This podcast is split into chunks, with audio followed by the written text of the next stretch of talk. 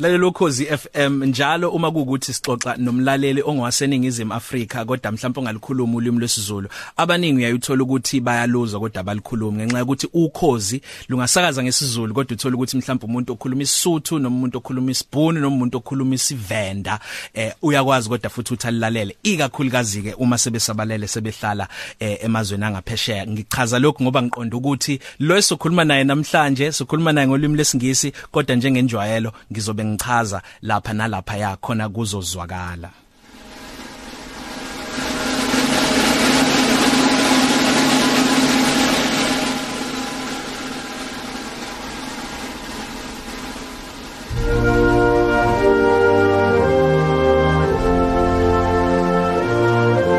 Well, Sade, I'll tell you what, I've done my research. It's probably one of the shortest national anthems that I've ever heard. Have you memorized the words by now? of, of the British one? Yes. No, no, no. One. Not at all. No, no, no. No, no, I'm not interested. It is such a pleasure to say good afternoon. Is that also, oh yeah, it's still good morning in England right now to Sade Gilbert. Thank you It so is. much for having you on this show. We are 12 to 3 Cafe on Ukozi FM. Sanibonani nonke. Yebo sawubona. Uh, you are half Italian, Sade. You are half Italian and half Zulu. So really how much of isiZulu do you know? Can you speak? Can you understand? I am Kulumi kahle um because it, you know uh, growing up was always mainly English at home um obviously coming from a uh, mixed race family mm-hmm. uh, my dad obviously doesn't speak Zulu so it was mainly English at home my mom did try to get me to speak Zulu when I was a lot younger mm. but as you as as you get older and you go to school everything is always in English um and then me I always spoke a bit of a broken Gasitao you know mm. um and unfortunately when my mom left me when I was 16 I just kind of like I just stopped everything. Do you know what I mean? I was I was in such a bad place that I decided not decided it just naturally happened. So English just took over my life. Um but obviously working on Yo TV and that we obviously tried to integrate as many South African languages as possible. So it kept the it kept the Zulu there but it was always broken. Mm. Ushade uyasichazela ke kuloku akushoyo ukuthi eh uma wakhe owayengumzulu kuthe uma engasekho. Kusho ukuthi lentshisekelo ayenayo ngenxa yokuthi wayephukile emoyeni yaphela. Kodwa vele sasingakaze singene sithi intshi kuyena emthanjeni isizulu ngenxa yokuthi yonke into ayekade eyenza ngolwimi lwesingisi. Oshade it's very apparent that you are in Britain uh, and in London because of your accent. So tell us about it. So tell us about it. What what what makes this face this great talent that we that grew up in in the 90s and and the early 2000s and and would watch you on television entertaining us what makes you uh, to be living in in in the United Kingdom Um, okay, firstly, I didn't realize that I have an accent, but okay. yes you do you do um, and secondly, I think for me it was just um, I wanted a bit of a challenge. I wanted I wanted a little bit more. Mm. And I felt that I'd gotten to a place in South Africa where I'd reached my personal peak. I'd done all the shows that I wanted to do and I was craving a little bit more. And I thought, you know, where else to go than somewhere else than to see if this industry is still something that you want to be in, if presenting is still what you want to do, if acting is something you really want to pursue. And I felt if you go somewhere and really immerse yourself in a different place, start from the bottom and really work hard and see if the passion is still there, then then you know that that's what you want to do. And um, we've seen a lot of people go to America and try to make it in Hollywood, and that wasn't um, it wasn't something that I wanted to do. I didn't want to run to Hollywood first. Mm. I was like, let me go to the UK. They speak English, I can handle it, and if I can't make it in the UK, then then I can't. You know what I mean? But also, it puts me in a position to really challenge and push myself because it's a completely different market. Mm. Um, and this was going to be my stepping stone to maybe going to the United States or even just, you know, learning something so much more and bringing it back home. So tell me, having now, having then decided that you're going to go to the UK, um, were you able to receive the offering that you were hoping for? And, and how has it been? Are you thriving? And uh, could you still be then be, be thinking of Hollywood in America? Um, so to be honest, I mean, I came here with a blank slate. I came here with no real. Um, I, I, I didn't come here going, "This is exactly what I'm going to do, and these are the people I'm going to contact, and this is what I'm going to do." I came with a clean ca- with a clean canvas. I was like, "I've got a show reel and I've got a CV. That's all I have to my name right now, mm-hmm. and that's all I can do is I can showcase my many years of of um, of, of let's call it talent and my many years of experience on television, be it in South Africa, and I just brought that here, and I've gotten I've gotten a few really decent gigs, and it really is starting from the bottom, and it's really humbled me insanely, and reminded me why I want to be in this industry, and it's not about the fame, and it's not about the people, it's just really about passion at the end of the day. Passion. Um, And yeah, it really is. It really is about passion because I've, I've, li- I've literally, literally started from the bottom. And it's something that I didn't do in South Africa because I grew up on TV in South Africa. I started at such a young age that it all just, it all just happened. It all just kind of barreled over and it all just happened. The next thing you know, I was 16 and then I was 20 and then I was 25 and I was, you know, famous and making good money and, you know, getting all the jobs. Um, but here it's completely opposite. I'm starting from the beginning. I'm asking the British people to open up their, their industry doors to me. Mm. And it's, it's seeing it from a very different angle. Mm. And it's been very eye opening and very humbling. Sure, David. Um, sure, sure, sure. But yes.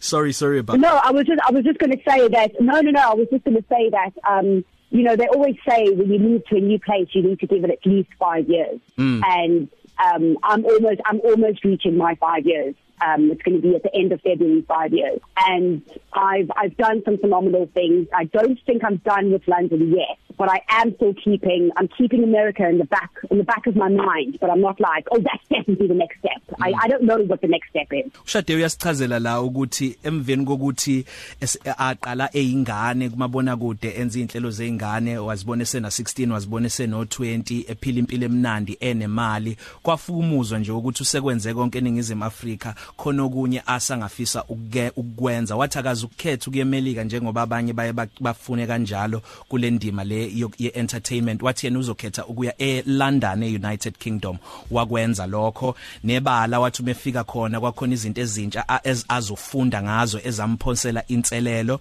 Uthi eh kuyaye kuthiwe uma ukuthi ufuna ukuthi uphumelele endaweni entsha zinike okungenani iminyaka emihlanu. Uthi ke yena usiyasondela kuleyo minyaka emihlanu. Uthi nje kulapha emqondweni wakhe ukuthi melika kodwa njengamanje akagxilile kulokho. Let's just take a pause from your your career and speak about London. Of course South Africa beating mm. England this past weekend. You must have been conflicted. And I'm sure the mood no. wasn't I'm sure the mood wasn't so great. I'm sure the mood wasn't so great in the streets of London. So basically just give us a bit of commentary about how Londoners and the rest of the English people are feeling after that. Well, I mean, I was definitely not conflicted. I may live here, but you know, I'm I'm through and through South African, and I'm through mm. and through Italian. Do you know what I mean? It's one of those two. But my home and my soul and my heart will always be South Africa, um, no matter where I am in the world. So that was it was a phenomenal win. I thought it was fantastic, mm-hmm. and I, I I I always raise the flag high when I'm here. Do you know what I mean? People, mm. you know, you're talking to me now when you're saying that my accent's changed to you, but when I talk to British people, they can tell that I'm not from here. Yeah. So I always raise the South African flag really high. I, I, I always, I'm from South Africa. I love my country. I love my people. And, um, it was, there was a bit of a somber mood, you know what I mean? Being around English people and then be like, oh, so, you know, you won. And I'm like, yeah, you best recognize we won. we definitely did won. You know what I mean? We won that and we won it fair and square and it was a fantastic game. And, you know, I, I think, I think a lot of English people were conflicted because obviously they want to um, they want to support their country, but they knew they knew that they were playing one of the best teams in the world. Yeah, they sure, knew it. Sure. So you know there were quite a few people here who were like, "Yeah, we we knew you were going to win," and I was like, "Okay, take it, take it." so so so an average um, um, travel agent or tour guide would tell you if you're visiting London, you definitely need to see, go to Piccadilly Circus, the London bridges, your Buckingham Palaces, and all of those.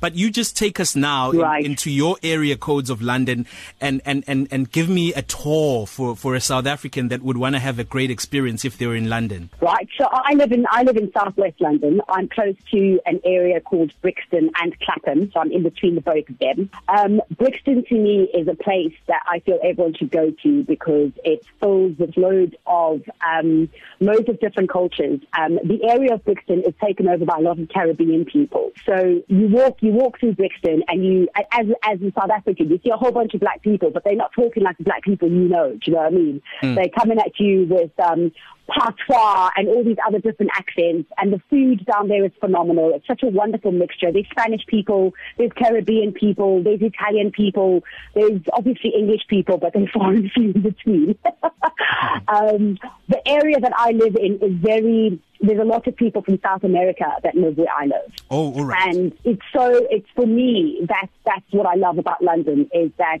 um it's just such a mixture of so many different cultures from all over the world and that's why chose to live here and not live in a very very English area mm. because I find that very vanilla and boring.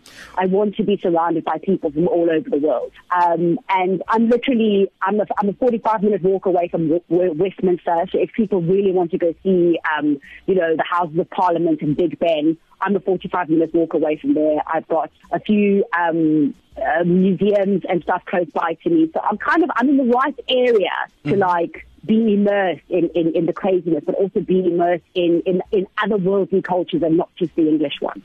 Ushade uyasitshela yena ukuthi uhlala e Southwest uh, London endaweni uh, ebizwa uh, what, what did you say? Your place where you live exactly? What is it called? So I live in Stockwell Oh Stockwell. which is in between Brixton and Clapham. Okay. Yeah. uthi phakathi kwe kwe Brixton ngiyalikhohlwa ke lela qeda kulisho ukuthi la kuhlala khona abantu abaningi abaphuma e, e South America uthi uzofica abantu e, abamnyama baqhamuka kwi Caribbean okuyilama island ongafica kuwo no Jamaica uthi kuyindawo la abantu abaningi abaqhamuka eindaweni ezahlukahlukene zomhlaba behlala khona. Uthi indawo yena le ayithandayo ngoba akubhori ufica umhlaba wonke la ahlala khona. uPaulile futhi ngokuthi yize noma ngahlala eLondon kodwa usawumuntu waseningizimu Afrika ukuthokozele kakhulu ukuthi amabhokobhoko awin Shade we have to say goodbye but let's say goodbye on a note maybe to just give hope and a bit of um perspective for a South African who's in media and entertainment that would be uh, thinking of looking for opportunities in London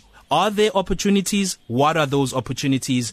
Would you say to a young South African, sure, try London out? Um, you know, there are loads of opportunities here. The thing is, is like just like just like in South Africa, if you're coming from you know maybe uh, a, a smaller community or um, a place that's outside of Johannesburg and Cape Town, there are a lot of people who go to the main cities looking for the work because that's where the work is, and it's exactly the same in London. Mm. You come to London, and there's loads of people looking to do the same thing you are. There are loads of actors, there are loads of media people, there are loads of um, they're, they're all just here because this is where the hub is. But my thing is, South Africans in general are go-getters and they don't give up. And if you have that kind of spirit, then no matter where you are in the world, you will succeed. There's loads of job, job opportunities here.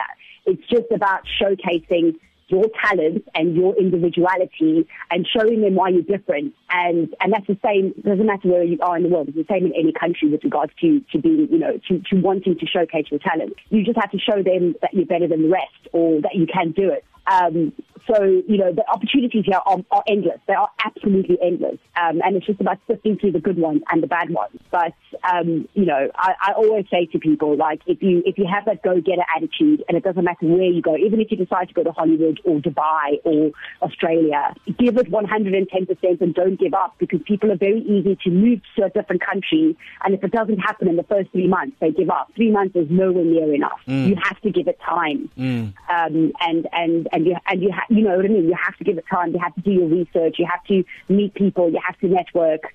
And in time the the the penny starts to drop and you start to get the gigs and you start to get seen and you start to get recognized. And then you know it starts to snowball after that.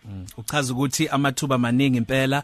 Kuwena nje kumele ukhuthale uyinikeza isikhathi sokuthi akuzovele kwenzeke usafika kodwa maningi impela wona amathuba. Usho njalo uShade unfortunately we have to say goodbye. I've really enjoyed talking to you. We're going to keep rooting for Thank you. you. We're going to keep rooting for you in the multi award winning series that you you're starring in Spectrum.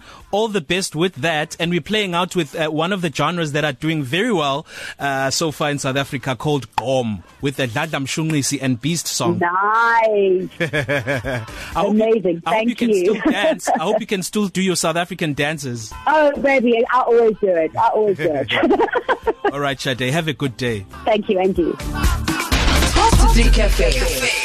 Ilunch yakho ayifani neyizolo.